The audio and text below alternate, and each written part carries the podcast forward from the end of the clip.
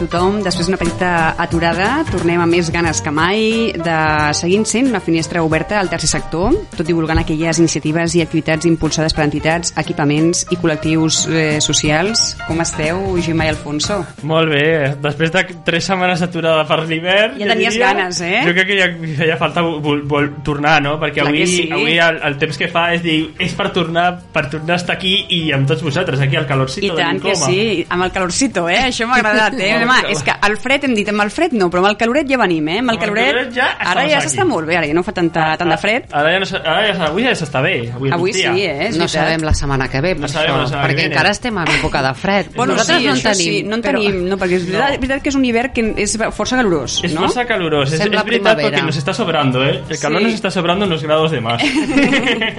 Nosaltres avui, 24 de febrer, encetem un nou programa uh, i ho fem doncs amb l'Alfonso Barona i amb la Gemma Hermoso i amb en Sergio Ortiz, aquí al capdavant de la part tècnica. Estem aquí, ja ho sabeu, en directe fins les 8, Sí. cada dilluns, a excepció d'aquesta parada, com a diu, eh, excepció aquesta aturada. d'aquesta aturada. I a part- d'hivern. Eh, aturada d'hivern. Sí. L'aturada d'hivern. Era per fer una esquiada. No, Una no, no has esquiada. aprofitat per anar a Clar, és esquiar? que, és que, Es a que yo he veure, ido, pero yo he ido un poquito cerca. Yo no, me, no, no hemos llegado a la nieve. al final haurem de dir la veritat als oients, haurem de dir que no hem fet incoma perquè hem anat a esquiar els tres, a veure, al final haurem de dir la veritat, al final, És que, eh? mira, m'ho No, volia no, callar, però l'Alfonso m'ha tret de la, de la Al final ho boca. hem de dir, eh? Al final, i mira que no volíem. Doncs ja ho sabeu, estem aquí fins a les 8 pel Sí. 91.6 de la FM o bé per radiotrinijove.org online. Exacte. I per on ens podríeu seguir? Per al Twitter, per Sí. exemple, eh, tenim el Twitter arroba inclouma i pel nostre blog que és inclouma.wordpress.com i per, per suposat a les xarxes de socials de Radio Tribu Jove, Facebook, Twitter, Instagram... Recordem el Twitter i l'Instagram, Alfonso? Sí, que és el mateix, bàsicament, que és arroba Radio Trini Jove. Exacte. Si així su- sortirà igual. Perfecte. Uh, no sé si la gent que ens està escoltant sap el que és realment la Mobile Week a Barcelona i si sap també el poder de transformació que té la tecnologia sobre les persones amb discapacitat. En uns instants, aquestes dues preguntes les resoldrem amb en Joan Païsa, que és doctor en informàtica i gestor de projectes de tecnologia accessible i més RD de la Fundació 11. I a banda de la Mobile Week hi ha molta més actualitat social que us portarem avui. Per, què, per on començarem, Alfonso? Bueno, avui som... A veure, què, què us podem avançar? A veure, a- avui us presentem d'una banda la campanya Tu estàs perdent, que vol vis- visibilitzar i posar en valor l'esport femení. I d'altra banda, la xarxa d'accessibilitat i vida independent eh, XAIVI, que mira en, de, té certa relació amb el tema que avui parlarem, que és la Mobile Week. Exacte, sí, sí, parlem de tecnologia inclusiva, no? I l'agenda també estarà també avui també fresqueta, Alfonso, no? Sí, sí, perquè avui, avui, té, un, avui té el tema de l'adolescència, de la meva edat que passo ara. Bueno, tu, tu Bueno, ja estàs una mica passant-la, un ja. poquito por, por- De la poquito, ya, ¿eh? estoy- Ya. ya estamos rozando los 20, como bien dicen. como bien dicen. De l'adolescència i de quins I més temes? A veure, de les parlarem. dones migrades, de l'economia solidària, de l'assetjament escolar i de la diversitat funcional. Per tant, tenim l'agenda completa. Esperem que tinguem temps per comentar-la. Sí, jo crec que avui sí, perquè avui hem començat sí. molt puntuals Avui hem començat puntuals i també acabarem també a veure. Crec que avui, acabarem bé. jo crec que avui acabarem bé. El que sí que per acabar puntuals no ens podem llavors enrotllar molt més. No, Així no, que no, por, dit, por lo tanto vamos a dar el 1, 2, 3, comencem el programa, comencem Inclouma. Home. From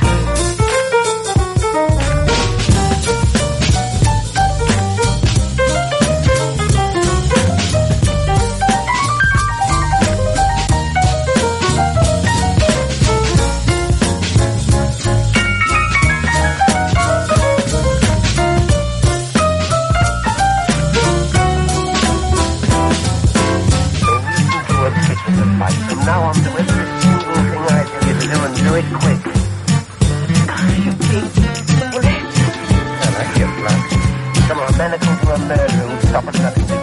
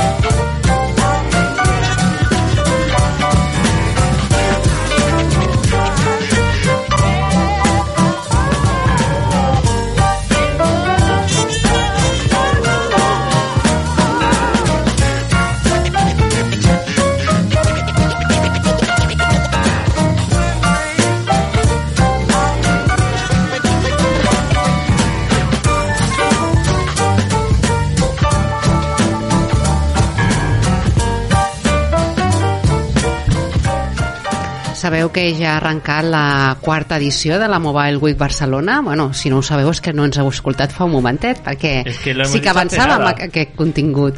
I està sent tot un èxit i això que només ha fet que, que començar, oi, Cristina? Exacte.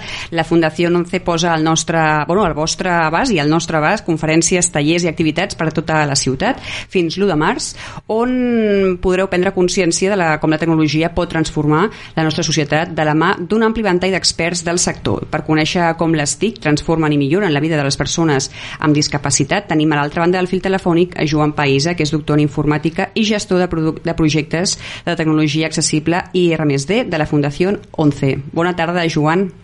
Hola, bona tarda. Bueno, sabem que l'inici de la Mobile Week de Barcelona ha estat realment espectacular. També la conferència que vas impartir a l'auditori de la Fundació 11 eh, sobre tecnologia i discapacitat. A veure, Joan, pels oients que encara mm, bueno, que s'hagi- que s'hagin perdut no, aquesta xerrada, explica'ns una miqueta les reflexions que van sortir i, per suposar, doncs, també aquesta necessitat eh, de que la tecnologia hagi de ser inclusiva, que també va ser també un tema doncs, que també que vas comentar molt a la conferència. Doncs una mica així a, a mode de resum, Mhm. jo crec que, que el més important que es va acabar tractant a la conferència no, a partir d'anècdotes meves, no, del, del dia a dia i d'explicacions de, de, de problemes que es troben persones amb discapacitat amb la tecnologia, com per exemple les pantalles tàctils, no? que no són gaire accessibles o per persones amb discapacitat visual o per persones amb problemes motrius, doncs vam acabar veient a partir d'aquests exemples la necessitat doncs, de que la tecnologia tingui un disseny universal, perquè si no corre el perill de que s'acabi convertint en una mena de, de barrera arquitectònica del segle XXI. Com les barreres arquitectòniques que abans ens limitaven molt i encara eh, limiten la independència de les persones amb discapacitat o persones grans amb mobilitat reduïda, doncs eh, la tecnologia també, si no es treballa des d'un disseny universal, pot causar eh, aquestes, pot convertir-se en una barrera. I perquè això no sigui així, doncs cal un, un, un esforç des de molts sectors diferents, no? Des de formació, és molt important que, que des de les universitats es treballi el disseny universal, fins i tot des de les escoles treballar l'empatia no? cap, a, cap a les persones amb qualsevol tipus de, de diversitat, però treballar-ho des d'un punt de vista pràctic perquè la gent pugui posar-se en la pell dels altres i d'aquesta manera doncs, quan, quan facin productes se'n recordaran d'aquestes experiències i també des d'un marc legislatiu. És molt important que les lleis acompanyin, que obliguin que els productes eh, tecnològics compleixin un cert requisit d'accessibilitat i, i que també vagi acompanyat això d'alguna mena de sancions si no es compleixen no? aquestes lleis. Una mica així a mode de resum crec que, que aquestes van acabar sent les conclusions que es van treure però, però bueno, va ser més interessant no, la conferència que, que, vam, que el, públic va riure molt i s'ho va passar bé. Uh, encara tenim tota aquesta setmana completa per, per disfrutar no, d'aquesta Mobile Week. De quina manera creus tu que aquest esdeveniment podrà sensibilitzar sobre el poder de transformació que tenen les noves tecnologies amb les persones amb diversitat funcional, sempre i quan no, tinguin aquest disseny universal que tu comentaves? Bé, jo crec que, que la Mobile Week és molt important perquè apropa la tecnologia al, al ciutadà, no? Llàstima que no hagi anat acompanyada del Mobile World Congress, però tot i així s'estan fent moltes activitats paral·leles, tant per startups com per apropar la, la tecnologia al ciutadà. Crec que és, és interessant perquè també moltes vegades es desconeix no? Aquesta, les possibilitats que dona la tecnologia. Moltes vegades es desconeix o moltes vegades la, la gent pensa que, que són coses molt complicades i que no estan al seu abast. Sí que és veritat que bueno, de vegades hi ha tecnologia, un tema de, que fa que la tecnologia sigui accessible també és el preu de la tecnologia. Moltes vegades la tecnologia és cara, però sí que és cert que cada vegada doncs, hi ha molts més productes tecnològics que són accessibles. Crec que és important de cara a això, a sensibilitzar a la població, a donar a conèixer el que vindrà en un futur immediat per perdre la por no? i per veure doncs, que, que si es fa bé doncs, eh, molta gent se'n podrà beneficiar. Uh La teva situació personal, Joan, i les dificultats d'accessibilitat amb les que t'has anat trobant en el teu dia a dia han estat claus perquè volguessis dedicar-te a la tecnologia accessible? A veure, el fet um, ha sigut una evolució una mica natural, no? Jo no és que ja des de petit ni molt menys ho tenia pensat que em volia dedicar a aquest camp, sinó que va anar, ha anat sorgint. Vull dir, vaig acabar fent la carrera de, de, d'informàtica, després vaig fer un màster que ho portava més pel camp, pel camp de la lingüística i l'informàtica, per temes de, de traducció automàtica, i quan vaig començar el doctorat, buscant una temàtica pel doctorat, doncs vaig, vaig acabar trobant un camp que és la comunicació augmentativa alternativa per gent que té molts problemes de la parla, que es comuniquen a través de, de pictogrames, o, o gent amb paràlisi cerebral i algun, també algun tipus de discapacitat intel·lectual o nens amb autisme, no? I, i quan ho vaig veure vaig dir, ostres, mm, jo sempre he estat molt implicat amb el món de la discapacitat, però primer sobretot des de des d'una vessant esportiva. I, I vaig pensar, com que coneixia molta gent amb discapacitat, al cap i a la fi penses, mira, si, si no sóc jo el que he estudiat tecnologia i em dedico a fer tecnologia accessible, qui ho farà? Molta més gent eh, ho fa, però, però sí que cert que tampoc tanta. I, I per tant va ser com una mica, eh, va ser una evolució natural i, i bueno, molt content d'ara poder estar també a la Fundació 11 que, que realment es dedica a això, no? a fer accessible la, la tecnologia per les persones. Ens consta, Joan, que al Japó et vas trobar amb, moltes barreres físiques, no? que, que has, anat, has anat d'anar trencant i anar-te adaptant a un entorn que, que podríem titllar de potser excloent, ja que no té en compte el col·lectiu amb diversitat funcional. No? Explica'ns una mica amb quines són aquestes dificultats que t'has anat trobant i, i com intentaves combatre-les. Clar, el Japó és un, és un país que en, en molts aspectes està ple de contrast. És a dir, eh, no en tots els àmbits no tenen en compte les persones amb discapacitat. De fet, en alguns aspectes estan molt més avançats que nosaltres. Per exemple, hi ha el govern, doncs, segons el teu tipus de discapacitat i les teves necessitats, doncs paga un assistent personal que tens això, dues hores al dia, quatre, vuit hores, 10 hores el que tu necessitis. I això crec que és una part, és superpositiu.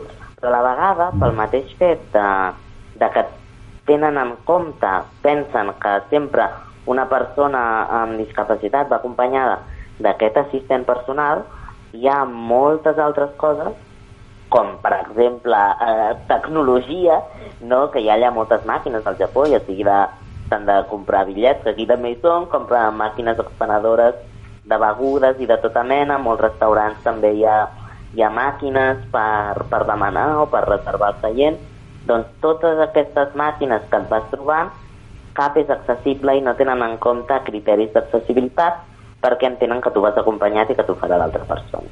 És a dir, en uns aspectes són molt positius i en altres així una mica més negatius. També a l'hora de fer turisme, a vegades la ruta accessible tenia unes rampes espectaculars no? i tenint en compte, vull dir, ells pensaven, doncs mira, que ja hi hauria algú que t'empantaria per allà amb la cadira de rodes o o el que fos, no? Uh, jo, bueno, doncs, amb una mica d'inventiva ja, ja havia fet un treball de camp, no? I aquí també, uh, doncs, uh, vivint aquí tota la meva vida, també m'he anat trobant tots aquests problemes amb, amb moltes màquines i, i he hagut d'anar-ho solucionant, doncs tinc un punter així molt llarg que em vaig fer amb, amb, amb, un, amb la punta de llapis tàctil per poder fer servir pantalles tàctils a les que no arribo. També amb la crossa apreto molts botons i, i, i bueno, m'ajudo amb moltes coses. Quan hi ha problemes amb sensors de moviment que no em detecten, doncs bueno, amb una jaqueta extra que porto pues, ho tiro contra el sensor i aleshores em detecta i s'obren les portes o els llums i bueno, una mica així amb estratègies que, que he anat trobant, també amb una... vaig anar al Japó, un dels problemes que em vaig trobar va ser de, de mobilitat, perquè jo aquí, abans d'anar-hi, utilitzava un, bueno, el meu cotxe, i un cotxe adaptat, que allà no podia portar, ni llogar, ni, ni res per l'estil, i un Segway petit. Doncs allà els Segways tenen prohibida la circulació i encara que, que tinguis discapacitat no, no, no, és cap, no fan cap excepció per dispositius de mobilitat. I l'única opció que tenia era doncs, amb una cadira de rodes. I vaig acabar buscant doncs, un motor que és molt lleuger, que s'afegeix a la cadira de rodes, perquè jo bueno, amb els braços no vaig gaire lluny i, i així doncs bueno, em vaig poder moure per allà i sí que és veritat que una cosa que tenien molt bona era el transport públic que sí que estava molt, molt, era molt, molt accessible que, bueno, aquestes són les estratègies que vaig fer servir És, és curiós del, del que has comentat que aquesta persona eh, que et, eh, bueno, tens dret no? eh, de suport et pot restar molta autonomia bueno, sorprèn no? en alguns àmbits. Bueno, no és que te la resti la persona en si, sinó tal com està organitzat, no? que, que el fet de, de que ells entenguin de que tu vas amb aquesta persona, doncs ja fan que, que depenguis completament d'aquesta persona en àmbits que, que, que potser tu podries ser Mhm. independent i no dependre de- d'ella, no? Jo de vegades anava a i em deien, ostres, la gent és el teu assistent personal, no? Doncs aquí tens assistent personal eh, perquè a nivell legislatiu ells ho tenen, no? Que eh, segons quins llocs, doncs entenen que una persona amb discapacitat pot tenir problemes, ells volen curar amb salut, de que no caiguis per allà, o que amb la cadira no et quedis encallat per unes escales o per jo que sé què, i si no vas amb assistent, doncs et posen traves, no? I, bueno, vaig haver de negociar bastant. Aleshores, però, tot i així, jo firmaria les coses bones d'allà i d'aquí. Crec que els assistents personals són una cosa superimportant Mhm. per donar independència a les persones. Els assistents personals t'ajuden a poder seguir visquent a casa teva i durant molt més temps i no dependre d'estar de, de, en una residència no? o en altres llocs. Aleshores, els assistents personals crec que és una figura super important que aquí encara ens queda molta feina per, per implantar-la. I, I també em quedaria amb, amb, amb la part d'aquí, de que aquí sí que és veritat que pel que fa a màquines i temes tecnològics, la legislació en termes d'accessibilitat està més avançada, tot i que l'aplicació tampoc massa. Eh? Aleshores, bueno, hi ha coses positives a- als dos llocs. Mhm. Hauríem de trobar un, un punt mig. Un, un equilibri. Una balança. Exacte. Hauríem de trobar una balança entre els dos perquè quedi una mica relacionat. I perquè la cosa sigués més, sí, no? més, més compensada, no, Joan? Realment tens eh, raó i està molt bé també que encara ens expliquis no? el camí que queda per recórrer, que és llarg. Eh, I clar, de, ens preguntem també, tot i que mm, s'hagin fet avenços i la cosa doncs, estigui doncs, també, no? cada vegada doncs, hi hagi un compromís, diguem-ho així, un compromís social eh, vers no? la, pues, la millora no? de vida no? d'aquestes persones de, amb discapacitat, però per què creus, Joan, que des, dissenyadors i desenvolupadors eh, tecnològics encara no s'han obert o encara tenen por de, de fer no? una tecnologia doncs, això més inclusiva i més basada no? en, la, en la diversitat? Jo crec també, bueno, és, és per diversos motius, no? Un dels motius principals és per desconeixement, Mhm. val? com que mm, en, en, a les carreres, de mica en mica, algunes carreres estan començant a introduir alguna optativa o dins d'alguna assignatura, algun Sí. mòdul, no? Sobre, A moltes sobre carreres ara s'està fent amb arquitectura, per Arquitect- exemple, Mm. amb arquitectura. Clar.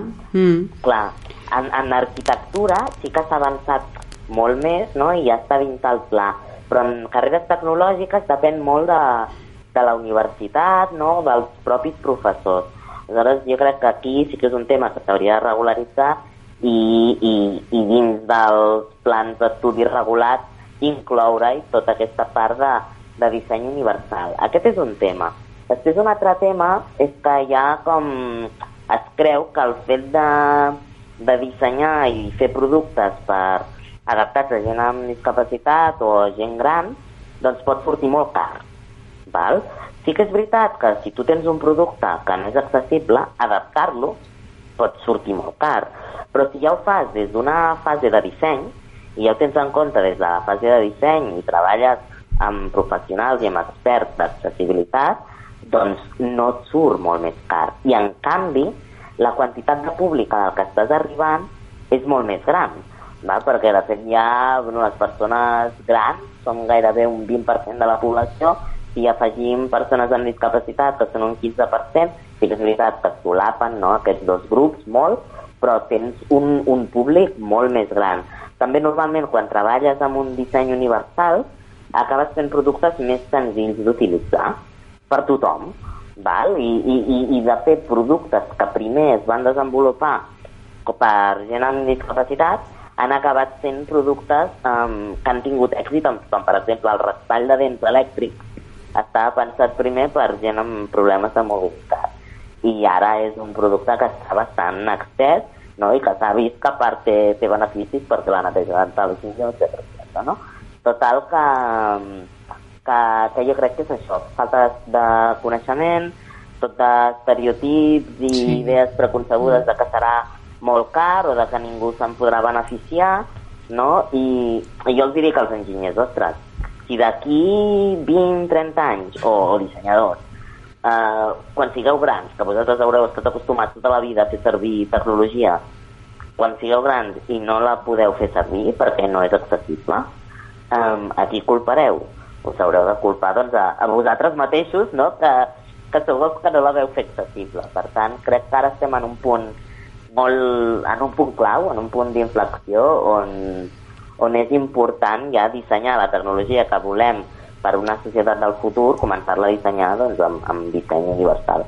-hmm. El que és clar és que es necessiten veus com la teva, Joan, per, per fer, no? per, per obrir aquest món a, a les persones que ens han d'ajudar a fer accessible no? la tecnologia, vull dir, a, a, a conèixer, no? a conèixer aquesta realitat i de quina manera es pot mm, donar suport per fer, per fer aquest disseny universal. Uh -huh. La tasca de divulgació doncs, és, és molt important. En aquests moments és, penso que primordial i, i mm. cert que gent pues, eh, que doni aquest punt de vista i mira, amb l'última frase que has dit, no? Quan vosaltres sigueu grans, clar. què passarà, no? Mm, no hi, ha, no hi ha un exemple més, més clar no, que això, perquè sí, per aquí haurem de passar tots, perquè no tots clar, tenim discapacitat, però tots serem grans. I clar. aquí, I aquí sí que... L'error també, no? que tots també, mm, l'error, no? que també tots també, sense voler, doncs també tendim a pensar, no? és el de que aquesta tecnologia accessible només està feta per persones amb discapacitat, i no és així. Clar. Com bé diu en Joan, doncs, eh, hi ha molts més públics no? que amb amb aquesta tecnologia universal i amb aquesta tecnologia inclusiva doncs, es, es podrien beneficiar, no? Vull dir, mm, molts públics eh, i que al final tots també sortim guanyant, no? Vull dir... És... Que sortim tothom guanyant amb aquest col·lectiu, si és que al final no hi ha cap altre, perquè al final no hi haurà ningú a darrere aquí, no hi haurà ningú a darrere que et facin tota la tecnologia més gran, no? Si te la mhm. crees, no? Al final i al final és el que es tracta és això, no? d'obrir els ulls a la gent i que prengui consciència doncs, això, no? que aquesta tecnologia doncs, eh, molt més accessible i més universal doncs, ens, fa Clar. millor, ens fa la vida millor a tots. I ara tothom. Mm, sí, sí. Doncs eh, nosaltres, eh, Joan, ho deixem aquí. Per últim, m'agradaria que poguessis així llançar un missatge molt breu per poder engrescar els nostres oients a que no es perdin la Mobile Week Barcelona. Que els hi podríem dir, Joan? Bueno, jo us animo a que, si teniu l'oportunitat, participar als actes de la Mobile Week, uh mhm. -huh. perquè, bueno, primer de tot són gratuïts i després es parlen de temes superinteressants, com hi ha alguns de, de robòtica, d'intel·ligència artificial, també de, de seguretat, de com aprendre a fer servir la tecnologia d'una manera segura, no?, perquè també hi ha tot aquest desconeixement de vegades que acaba provocant que siguem vulnerables a a, a, bueno, a gent que la vulgui fer servir amb un ús maliciós i que ens pugui enganyar a través de la tecnologia, doncs també això és important. Aleshores, bueno, jo us animaria perquè segur que aprendreu molt, hi ha molts tallers i, i bueno, doncs crec que és una oportunitat que, que es té i, i que s'ha d'aprofitar. Uh mhm. -huh. Conferències, tallers, activitats de tot tipus i per a totes les edats també, I gratuïts doncs, exacte, gratuït. que a més a més encara és un plus que Això podrem, plus extra, que, que podem disfrutar esperem que, aprofiteu, que, que aprofitem a, a veure si podem i tant que sí hem tota aquesta tota setmana exacte, tenim. fins l'1 de març vull dir que hi ha una setmana sencera encara per poder encara disfrutar i, bueno, i descobrir i conèixer no, aquestes noves realitats eh, tecnològiques uh -huh. moltíssimes gràcies Joan, un plaer gràcies a vosaltres, igualment Doncs queda fet, no?, a, doncs, aquesta invitació a la Mobile Week Barcelona que va començar el 20 de febrer i que, bueno, fins l'1 de, de març encara el tindrem encara aquí a Barcelona, així A, que... on estan? On estan? Estan a l'auditori de, de la Fundació 11, de fet a Barcelona es va fer la conferència d'en Joan Païssa, va ser ahir on es va fer aquesta... Llavors, bueno, es fan a diferents espais, però sí que és veritat que l'auditori és un dels, eh, dels, dels principals dels també. grans principals. Exacte. Doncs nosaltres ara, quan són a prop de les set i mitja, fem una petita pausa musical i tornem de seguida per posar-nos al dia. Ara no, l'informatiu, sí, sí. Ara vindran notícies interessants. I tant, no marxeu perquè venim de seguida. Eh, fins ara. Cafè torrefacte i xocolata 70%. Desfàs embalatges, olores intensament. Quasi, quasi normal, honey. Everything is gonna be alright. En el paisatge, viratges improcedents. Catàlegs de cuines, golaveratge, televidents. I quasi, quasi normal, honey. Everything is gonna be alright. A dins la mirada i veig els dies que han passat i tants de vegades que els tenc perduts com sol collonada que va més mirar endavant. De cansa mirada i pas de tot un desfas artefactes i mires com estan fets. Mollets cilindres corretges, eixos i dents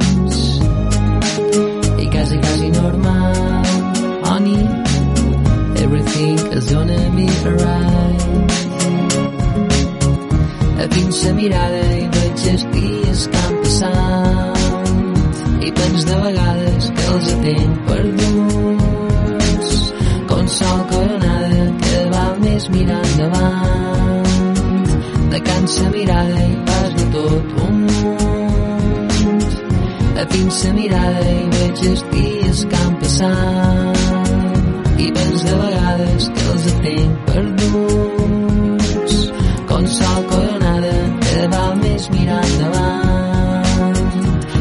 cansa mirada i pas de tot un munt cafè torrefacte xocolata 70% desfas embalatges olores intensament. En el paisatge miratges improcedents. Catàlegs de cuines col·laboratge televidents. I quasi quasi normal is gonna be alright a la mirada i veig els dies que han passat i tants de vegades que els tenc perduts. Com sol collonada que val més mirar endavant de cansa mirada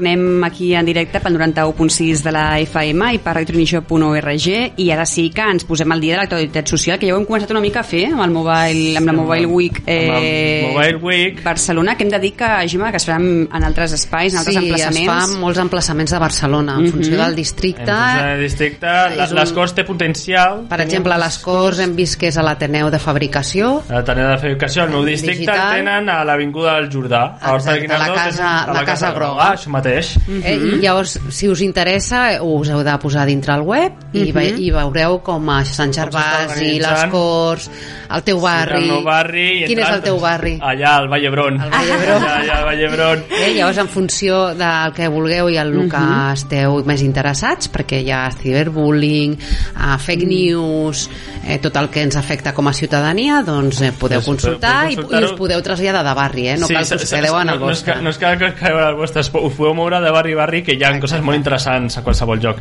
I dit això, començarem amb els titulars, no? Perquè sí. avui en dia hi ha notícies molt interessants com aquesta primera, no? Perquè comentarem que amb el motiu del Dia Internacional de la Síndrome d'Asperger, que va ser la setmana passada, encara hi ha moltes mancances pel que fa a aquest síndrome, ja que falten suports a l'aula pels alumnes que disposen d'aquest símptoma d'Asperger.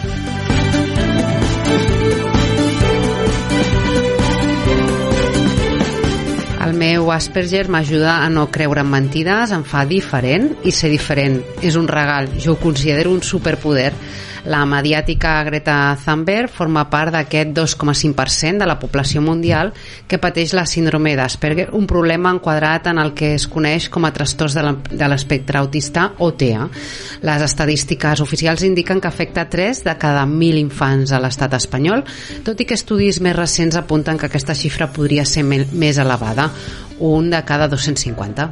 Es tracta d'un trastorn neurobiològic que té l'origen en una alteració de les àrees cerebrals implicades en les habilitats comunicatives i socials. Malgrat la seva prevalença, l'Asperger ha estat fins fa relativament poc un gran desconegut associat, a més, a un bon nombre de mites i idees errònies. Afortunadament, les coses van canviant i casos mediàtics com el de l'adolescent la de l'adolescent sueca han contribuït a donar-hi més visibilitat. Pues tal i com explica el meu company Alfonso Igua- Igualada, de, de, de, de, que aquí hi ha el mateix nom, Sí, sí. pues és casualitat, professor d'estudis de psicologia i ciències d'educació de la UOC, en els darrers anys ha augmentat la detecció dels infants amb el trastorn de l'aspecte autista TEA, TEA gràcies al fet de que la societat coneix més bé aquest problema. Per sort, queden lluny dels estereotips d'altres èpoques passades. El bo és que cada vegada no, Sí, anem sí. coneixent més aquest cada eh, vegada trastorn, aquest, síndrome. Es va fent més viral i això és, això és important al final, això, és, Doncs això sí. és clau perquè al final la gent podrà tenir més recursos, no podran I utilitzar tant, i tant que sí. més recursos. És el que parlàvem amb el Joan fa un moment, no? La divulgació, La divulgació, que quedi més per recursos. conèixer, més és recursos. Ajuda, ajuda importantíssim. moltíssim. I en relació amb aquest síndrome d'Asperger volem comentar-vos que hi ha un reportatge a BTV sobre la Fundació Friends, que també van venir aquí al nostre programa, Sí. que el podeu buscar i el podeu veure si poseu BTV... Sí? Sí, sí, jo Cristina? crec que podem també... Podem podem sentir també una mica. No, no, Sí. tindrem l'oportunitat, tenim una gran oportunitat I ara. tant que sí, vull dir que parem bé les orelles.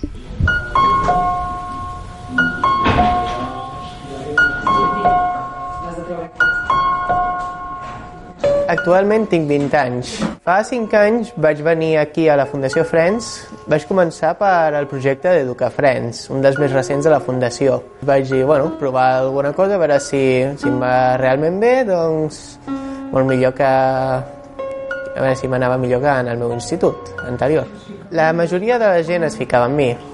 Bàsicament, eh, intent, es burlaven de mi a, a més no poder, bàsicament i bueno, no estava gens còmode. Alguns professors sí que m'ajudaven, d'altres no s'ho prenien tan en sèrio.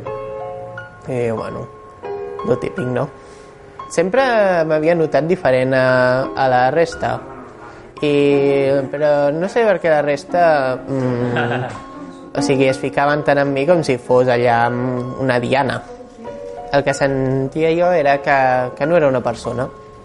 Mm, sí, sé que em, vaig, em van diagnosticar l'Asperger amb una edat, em sembla que amb 10 anys.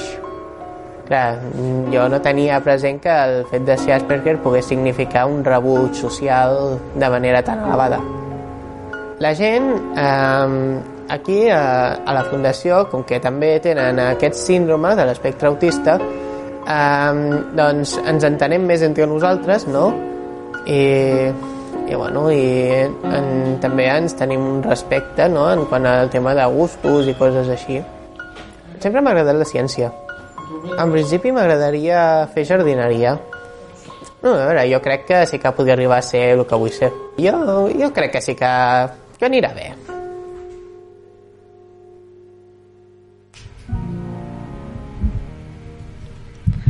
I en relació a... Bueno, i se seguim amb més notícies, perdoneu, ja que ens ha agradat el reportatge. S'havíem quedat... T'havies quedat aquí Ens- clavat, ens- eh? ens havíem quedat quedat enganxats, ens eh? havíem quedat enganxats amb el tema del reportatge perquè a més a més és que tenen molt a dir i Sí, cada vegada que sí. s'està escoltant tenen molt bona veu tenen molt bona veu i molt a dir eh, i seguim amb més notícies perquè segur que per les xarxes socials ni, ni, ni anem molt més enllà o als mitjans de comunicació heu sentit a parlar de la campanya hashtag tu estàs perdent impulsada pel Consell d'Audiovisual de Catalunya el CAC la Generalitat i la CCMA que és la Corporació, de Mitja... la Corporació Catalana de Mitjans Audiovisuals, que vol fomentar l'esport femení en els mitjans.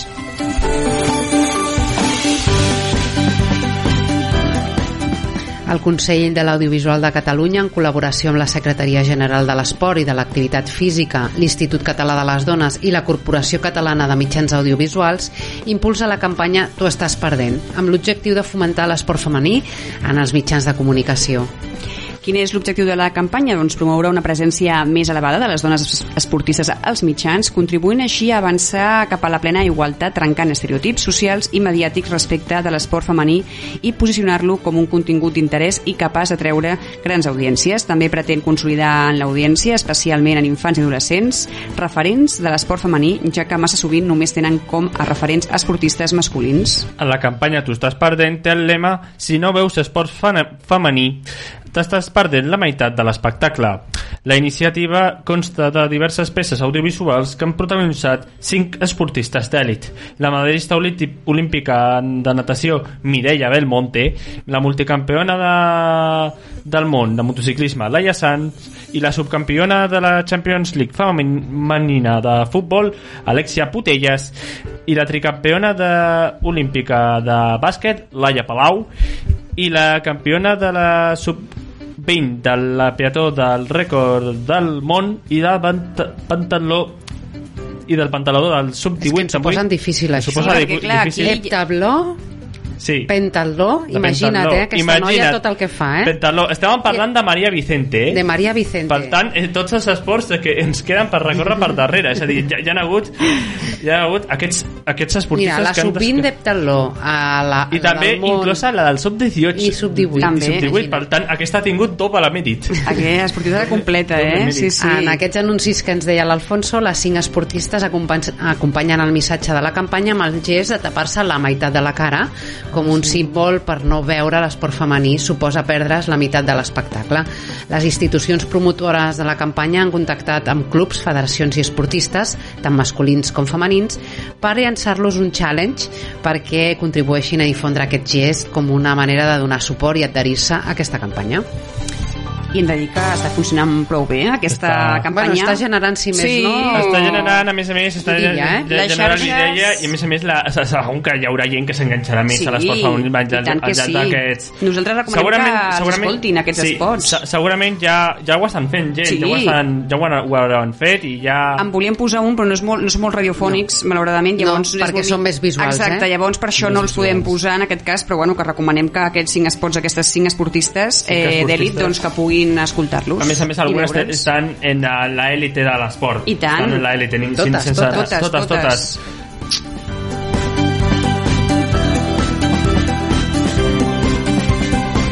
I seguim amb l'actualitat social presentant-nos dos... Bueno, presentant-nos el- un projecte bueno, sí, un projecte, bueno, un projecte que començarem, si es sembla, amb la, amb la xarxa d'accessibilitat i vida independent. Què, què és aquesta xarxa d'accessibilitat i vida independent, Cristina? doncs és una xarxa d'acció públic-privada dins de, bueno, que treballa de fet conjuntament també doncs, amb la garantia de drets de les persones amb discapacitat engegant iniciatives que millorin l'accessibilitat i la vida independent doncs, de les persones. I qui en forma part, Alfonso? i forma part en aquests moments de, la, de formen part de bueno, en, en conjunt és un conjunt de 67 entitats i algunes professionals de diferents departaments de l'Ajuntament. I així com algunes persones a títol individual I hem de dir que la Xavi, per escurçar, Sí.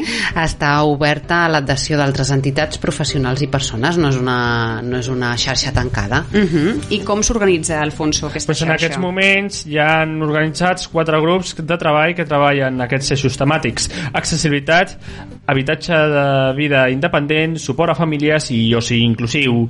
Per tant, la quarta cosa jo crec que és la que més m'inclouria pels, pels caps de setmana, Mm. perquè bàsicament eh, encara, encara falta oci inclusiu per algunes de les persones. T'has d'informar, t'has d'informar M'he d'aquesta xarxa. M'he eh, d'informar, m'he d'informar. Sí, sí. Perquè sí, a més està obert a treballar altres Altres temes, temes. que puguin ser també del teu interès i que vagin també en consonància amb les prioritats i els valors de la xarxa. Pues molt bé. I hi ha tot un consell impulsor que, serà, que és escollit democràticament per les persones que són membres d'aquesta xarxa i tindrà funcions de representació de la xarxa dins de l'acord ciutadà i de coordinació, que és d'on va sorgir Exacte. eh, aquesta xarxa. Uh -huh. bueno, doncs una xarxa que realment val la pena que coneguem bé i que també Sí, doncs, sí. sapiguem què és, el, què és el que ens pot no, oferir, aportar a la seva finalitat i els seus valors, Alfonso, eh, quins serien? A veure. La finalitat d'aquesta xarxa, Cristina, seria promoure la transformació de la ciutat, eliminant barreres culturals i socials, per tant, que és una cosa que jo mi, que, que, que ens inclouríem, tant. perquè encara queda molt per fer, Mhm. I per tal de que les persones amb diversitat funcional puguin viure en igualtat de condicions i en plena inclusió, garantint així els seus drets. I ara segueixo amb els seus valors, que Digue'ns són Quins són? que serien la inclusió, el compromís, la corresponsabilitat, la diversitat, el diàleg i el pensament crític. Estàs d'acord? I sí que estic d'acord perquè, sobretot la primera, la inclusió, és a la que ens hem d'incorporar, hem de quedar integrats com una cadena, de, com una cadena ritual. Tots, tots, tots, Tots, hem de tots. defensar aquesta xarxa, eh, el Xavi, no? Aquest, eh, Xavi, exacte. I a part d'aquesta xarxa, l'altre servei del que també us volíem també informar i que de fet és més recent, eh, perquè és d'actualitat, aquest sí que és veritat que hem de dir que aquest altre servei sí que és d'actualitat, és el Play It for Change de la Fundació SURT.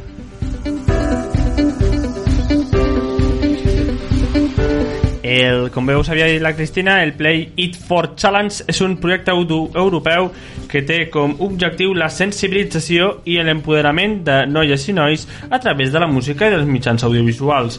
Com a estratègia per a la prevenció de les violències masclistes, durant els dos anys d'implementació en les escoles en sis països diferents, com ara aquí la Comunitat de Catalunya, Croàcia, Eslovènia, Polònia, Grècia i Xipre. Han pogut identificar elements fonamentals per a empoderament i la implicació de les noies i nois adolescents en la lluita per la igualtat de gènere, com els reptes i les necessitats del professorat per la prevenció de les violències masclistes. El projecte Plate for Change, finançat per la Unió Europea en el marc de programes Drets, Igualtats i Ciutadania, ha desenvolupat un programa de prevenció de les violències masclistes a l'adolescència a través de la música i els mitjans audiovisuals, com ara us comentava l'Alfonso. Al llarg dels dos anys de projecte, la música ha sigut el fil conductor a través del qual el professorat i l'alumnat adolescent de 12 a 18 anys dels països participants han pogut analitzar estereotips i rols de gènere, així com els mites de l'amor romàntic i les violències masclistes. Per tant, de que escoltar cançons, veure videoclips, ha permès a les noies i els nois adolescents sentir-se còmodes i parlar obertament d'aquestes qüestions.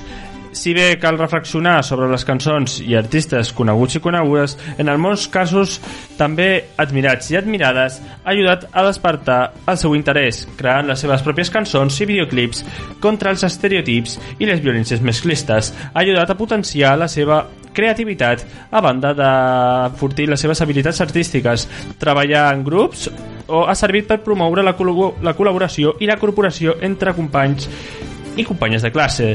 Entre coses s'ha traduït en un argument de la cohesió grupal, en temes generals s'ha donat un procés individual i col·lectiu i empoderament de- per part dels nois especialment, i de les noies adolescents.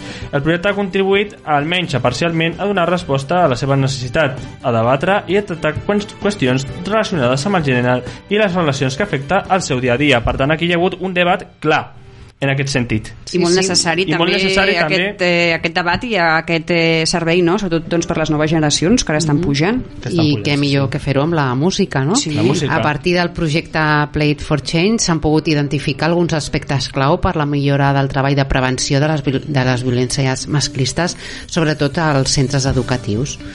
Aquests aspectes els presentem doncs, a continuació en forma de recomanacions que són doncs, la perspectiva juvenil, l'educació sexual i afectiva, la transversalització de la perspectiva de gènere i també doncs, la investigació no? també sobre les violències masclistes a l'adolescència. Vull dir que... Pues, pues, pues està bastant completa aquesta notícia, la veritat. Sí, sí. Esperem que faci efecte. En parlarem més endavant també. En seguirem en parlant perquè a més a més jo crec que donarà un resultat més el, el que té de cara als següents Amb la Fundació Surt, dies. que és qui ha impulsat aquesta, aquest Mira, servei. seria molt interessant parlar No? amb alguns d'aquests joves amb que han alguns d'aquests joves perquè segur que hi haurà més d'un que haurà sortit Què satisfet et sembla una entrevista amb algun d'aquests? jo l'accepto plenament Tu sí, no? M'ho apunto, m'ho apunto. Apunta tu, Cristina, m'ho que la apunto. Cristina és la que productora. la M'ho apunto, Cristina, la, la Cristina la productora I nosaltres ara fem una breu pausa perquè Exacte. passem a l'agenda. a l'agenda fins ara no.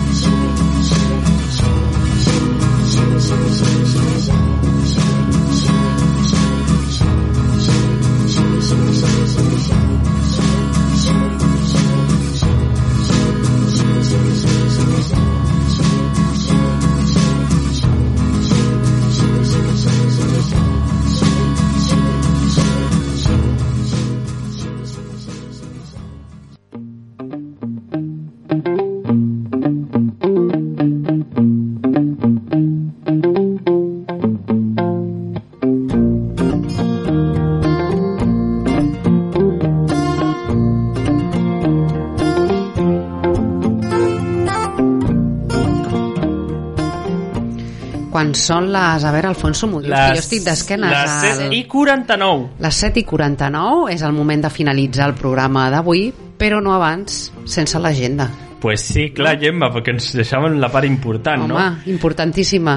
Pues començarem primer amb un recordatori per als adolescents i joves que disposen de l'espai Consulta'm.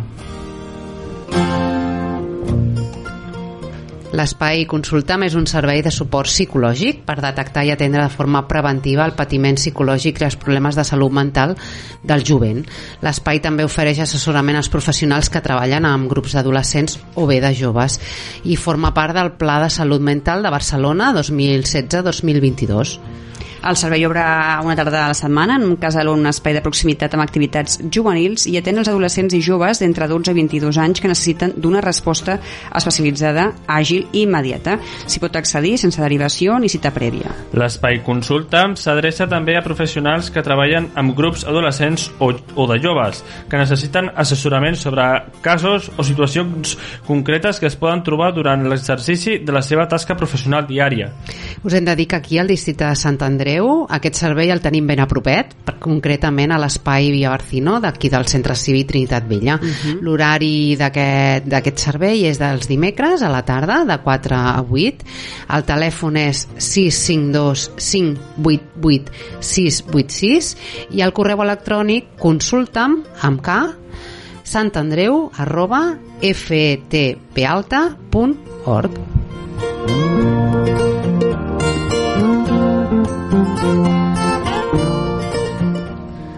I ara seguim, ara us recomanem un seguit d'audiovisuals relacionats amb la temàtica d'Inclouma. Començarem pel documental Economia Solidària en Barcelona.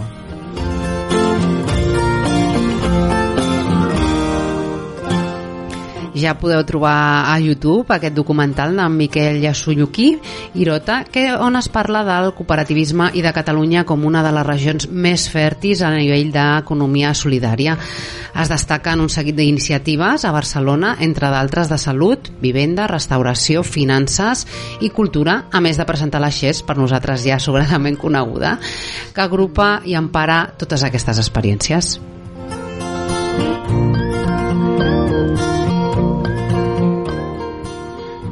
I seguim amb un altre documental que és al, al otro lado del cuidado, al voltant de les treballadores de la llar d'immigrants.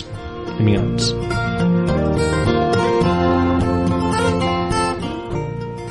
Ahir, justament, ahir 23 de febrer, es va estrenar a l'Otro lado del cuidado a la seu de la FEDECAT. Aquest eh, documental, impulsat per l'associació Mujeres Migrantes Diverses, eh, té per objectiu eh, demostrar aquesta realitat de les dones migrants que es dediquen a les cures. La majoria de les protagonistes no tenen papers.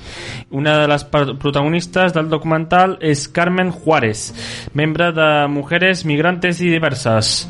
Eh, ella explica que cal explicar aquesta realitat invisibilitzada perquè si no és com si no existís.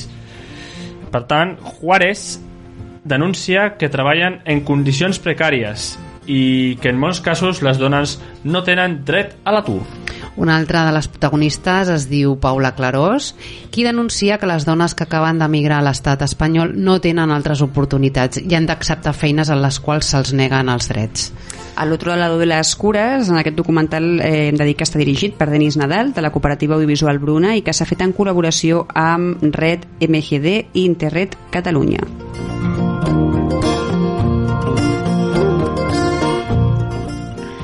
I ara ens, referi ens referirem a la televisió, concretament al programa Sense Ficció, que demà dimarts s'endinsa en el delicat molt del assetjament escolar.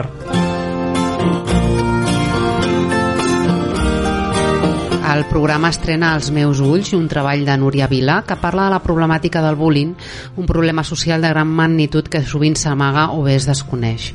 El 24 de desembre de 2005, recordem que Alan Montoliu Albert, un adolescent transexual de Rubí, víctima d'assetjament escolar a l'institut, es va suïcidar. Aquest fet tràgic va ser el punt de partida que la directora Núria Vilà va prendre per iniciar una investigació sobre mm, la problemàtica del bullying. Perdoneu, era 24 de desembre de 2015.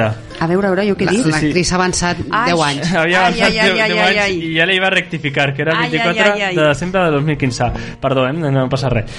A partir d'aquí, la Núria Vila va contactar amb associacions que lluiten contra l'assetjament escolar i a través d'aquestes associacions amb testimonis directes de casos de bullying, per tant, d'empares i mares de fills que són o havien estat víctimes de l'assetjament a l'escola o a l'institut, amb adults, com amb adults que havien estat al passat. El resultat és, als meus ulls, un documental que s'endinsa en el tema de l'assetjament escolar, un tema tabú que encara s'intenta amagar o negar en alguns centres educatius. I el documental dona veu als afectats, alhora que reflexiona sobre la falta de recursos i formacions que moltes vegades tenen els docents que s'han de fer càrrec de gestionar aquests casos, sobre la falta de consciència general quan a les conseqüències emocionals que aquest tipus de maltractament pot causar, no només a la víctima, sinó també a l'assetjador i a la resta de companys de, de l'aula.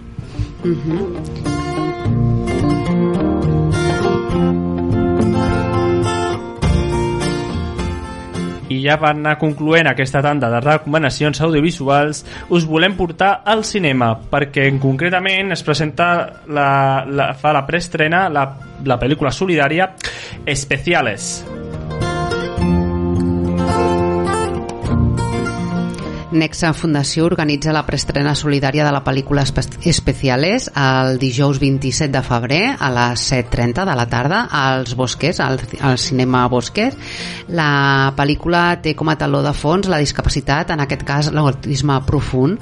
Es tracta d'una pel·lícula que dona visibilitat no només a l'autisme, sinó a qualsevol tipus de discapacitat i posa en valor la feina de les organitzacions sense afany de lucre. La pel·lícula transmet per això esperança i optimisme amb tocs d'humor i somriures. Aquest film del director d'Intocable ha estat el Premi del Públic al Festival de Sant Sebastià, ha clausurat el Festival de Cannes i té un, nou nominacions als Premis César de França. Vull dir que té molt bona pinta. Que té molt bona pinta i té si guardons. vist- i si té vist Intocable, que ens va encantar. va Intocable serà tocarà especiales. Especiales que jo crec que té la mateixa pinta. que eh? té la sí, mateixa... sí, Va, sí, va sí. sí. molt semblant. Molt semblant.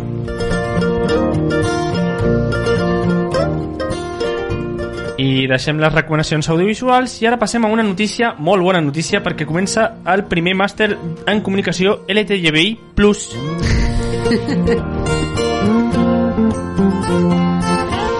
Us hem de dir que a partir del setembre de 2020 es podrà estudiar a la Universitat Autònoma de Barcelona tot el que relaciona el món de la comunicació en clau LGTBI+, com diu l'Alfonso.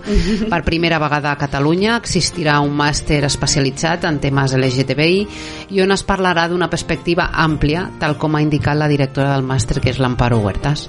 Doncs molt interessant. Doncs molt I també, interessant. Doncs, els hi comentarem també als nostres companys que De també ja ho saben, els nostres també ja companys saben. de diversitats i de freqüència vaginària Que- que... que Potser ja- volen estudiar que ja- ells aquest màster. Bueno, o, que o ja si més no... pujar, ja poden podran- pujar ja l'autònoma per dedicar-se ja a estudiar. Home, a veure, si, Sí. tenen, si tenen temps, Si els tenen hi diem, temps- eh? Però, si tenen temps que suben. Sí, no? Sí, sí, tenen temps per pujar-hi. Si no, si més no, doncs que també puguin parlar aquí a la ràdio, Ah, exacte. Per aquí.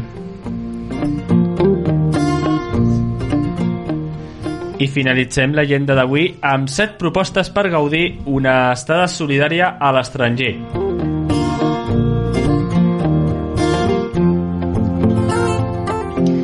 Any rere any, les entitats ofereixen diferents propostes per realitzar vacances solidàries a l'estranger. La diferència entre els diferents tipus de viatges solidaris és difícil i no hi ha una classificació determinada, però tot i les particularitats de cadascun podríem dir que tots tenen un objectiu en comú.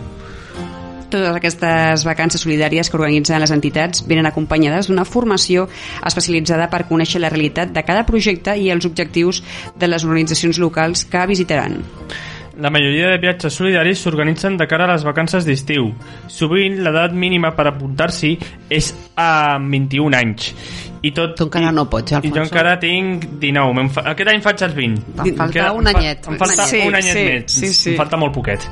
I tot i que en alguns casos és suficient amb ser major d'edat, és a dir, que en alguns casos millor sí que podria, Ah, sí? Eh, en general, les despeses de transport, les dietes i l'allotjament van a càrrec de les persones voluntàries de les que hi participen. Per tant, necessites també estalvis. Per tant Sí. necessites estalvi. Bueno, ara estalvies, Alfonso, Ara, i ja en ara un futur m'estalviaria hi i vas, després no? i Perquè viatjo a l'estranger. Estalvies sí. per una causa solidària, Per eh, una casa Alfonso? solidària. Això I no la, ho oblidem. La, la, la solidaritat amb l'estranger, que a més amb l'estranger he, he viatjat molt poc. Ah, doncs Només mira. he fet França, Irlanda i Portugal. I Andorra. Jo, jo, jo conec de gent i de coneguts i amigues que han fet aquesta estada solidària per vacances a, a l'estranger i que realment m'han dit que per ells ha estat A- un punt... on- on han anat? D'inflexió. Sí, totalment, un abans i un després. Doncs, per exemple, en alguns casos han anat també, sobretot més a països eh, subdesenvolupats, a països del tercer món, doncs, per exemple, han anat també a Honduras, han anat, per exemple, també en alguns casos a l'Equador, han anat eh, a la Índia i, i diuen que és una experiència que els canvia la vida, vull dir que Sí, molt sí. recomanable aquesta experiència. Anem amb les set recomanacions. Sí, perfecte. Anem amb la primera, que és setem camps de solidaritat. I aquí on treballen bàsicament és a l'Àfrica, a l'Amèrica Llatina i a l'Àsia, tres pa eh, 13 països perdó, de tres continents. Sí. Anem amb Jaume ONG. És una entitat d'origen laic eh, que té projectes al Madagascar i a, i a la Índia. Perfecte. També hi ha un altre lloc que és el Servei Civil Internacional de Catalunya, que el Servei Civil compta amb voluntariat internacional i gestiona camps de treball on projectes on participen de 5 a 20 persones voluntàries i la durada de les estades són 3 setmanes però també s'ofereixen de camps de treball de més, de llarga durada. També tenim la Fundació Autònoma Solidària. Exacte, aquesta entitat social universitària que té la missió de contribuir eh, per a fomentar una ciutadania activa, crítica i agent, agent també de transformació social. I També tenim l'Associació Catalana per la Pau. que, Exacte. que actualment utili- organitza brigades de solidaritat com un procés d'aprenentatge de la cultura i també pues, fan constant d'un procés formatiu i un context internacional de l'altre, el desplaçament a diferents països, en aquest cas són Colòmbia, Palestina, Mèxic, Congo o Filipines. També tenim la Fundació Comparte. que treballa per millorar la vida dels infants vulnerables a Amèrica Latina i treballen amb infants a Honduras, Nicaragua, Argentina, Equador i Xile. Potser va ser aquí on van anar els doncs teus pot ser, amics, eh? pot ser, pot ser, Sí, sí. perquè sí que és veritat també que, que També la més, Fundació i a més amb comparte. infants, sí, sí. Voluntarios doncs pot ser. viajeros. Sí. Vamos I, a, I per últim... Vamos a ver digues. si suena la última. Vamos a ver si no suena la última porque a Cristina ya ha empezado a sonar la sexta. Vamos a ver si suena la de Sodepau, que és la solidaritat i des, per al desenvolupament i la pau. Que és una entitat que treballa per la solidaritat, com ja el nom ja havia ho indica, no? Desenvolupament, Mm, la pau... Els drets humans al Mediterrani. al Mediterrani. Per tant, pot ser països costeros. del Mediterrani. Països del Mediterrani. Del no, Mediterrani. no es descarta aquí... per Aquí a Amèrica Llatina ja no. Aquí a Amèrica No? Llatina ja no, no? Potser no. No, però millor sí que per França, Itàlia i tota la zona... Grècia podria ser. Per tota aquella zona Mm-hmm. Bueno, i costera també podria ser. tenim part de, del, del nord d'Àfrica, Ah, eh, que no, també... Nord-Àfrica- també- Nord-Àfrica també podrien també, caure. També és veritat, sí, sí. Hauria sigut. Bueno, molt interessant, Molt aquestes... interessant. Eh, Set propostes. Exacte, vull dir que tenim eh, per on triar, realment on triar. és així. Ara cal estalviar. Sí. Que estalviar. És l'única cosa que ens falta, que no és poc. Estalviar diners I tenir, i tenir 18 y tenir 18 o que- 21, no? 18 o 21. Ya estamos 21. ahí en la edad del, del intermedio nosotros. Yo ya voy, va, va, Alfonso, sí, No parlis en plural, tu, Jo- tu, Alfonso. bueno. Nosaltres ja hem passat mm, fa temps. Ja, Som més grans, som més grans, i Alfonso, nosaltres, Ja, som més grans vosaltres ja que ho teniu, no? Ja, vosaltres Clar, ja, ja, Ah. ja, no, és que jo ja tinc 19, jo ja faré 20 ja al mes de maig. De fet, me sembla que... Ai, per poc, em sembla que cau, el 4 de maig és la, fe, la data més propera pel, pel cumple. Ah, sí? Ah, sí? Bueno, Sí. ah, Esperem. doncs, bueno, recordes que portarem Això, un un pastís? Un eh? pastís aquí a lo grande. a mira tu, mira tu, ja ens ho Ah. diu amb temps i perquè anem pensant, eh? Home. Estalvia No, per pastís. No, no, no, no, no, no. Ho deia perquè ja com, l'in- ja com l'Incom havia fet... eh, Bueno, ja com l'Encomana havia fet els 100 programes, ¿por qué yo no voy a hacer los 20? Claro. Ah, i tant que sí, i tant, i tant. 5 veces menos, però bueno. I tant, i tant, i tant, i tant. Nosaltres ara sí que ja no podem fer més incloumes i hem de deixar-ho aquí, hem d'aturar-nos. la fundació. Sí, ens hem, hem d'aturar-nos, però recordeu que el proper dilluns tornem de 7 a 8 del vespre, aquí pel 91.6 de la FM i per Radio Trenijoc. Voleu avançar el contingut? La El podem setmana? avançar. Sí, el podríem avançar, podríem sí, avançar-lo. perquè no hi ha cap sorpresa, no? L'únic que, que d'aquí dues setmanes pues, Podríem la- avançar-lo, podríem dir que Però és que tenim serà per la setmana que ve. Serà, portarem aquí a la biblioteca aquí del barri, aquí de la Trinitat Vella, perquè ens pugui doncs, parlar d'una exposició que té molt bona pinta bona i que, de fet, doncs, eh, s'exposarà i es farà pública a partir del dia 3 de març, així que en primícia i exclusiva la tindrem Sí, sí. aquí el dia abans. Lo que sí que estaremos, tota la informació. Lo que estaremos codo con codo, me parece a mí. Sí, estem els dos, Alfonso, perquè la Gemma malauradament doncs, no Gemma podrà podrà serà, i, ja, i ja sí que això es, es, es, es fa saber perquè Això ja ho podem dir-ho. Això ja, sí. ja, ja, Això ja, sí. ja se sabe des del, sí. des del minut 1. El que no podrem relevar, revelar encara més informació sobre aquesta exposició, que hem de dir doncs, això No, que és molt si és proper... primícia no Clar, podem dir res no. podem dir, no podem dir res més. No. Aquí ens, Però bueno, com- que ja, ja, ja vindran aquí els entrevistats Ah, exacte. i ho parlaran I ens ho explicaran. més, Ah, més detalladament. I ja m'ho explicareu a mi. ja ho Sí, explicareu tant que el, segurament el dia 9. I tant, tant. Nosaltres ho deixem aquí, que vagi molt bé i que va ser una molt bona setmana. Adéu-siau. Adéu.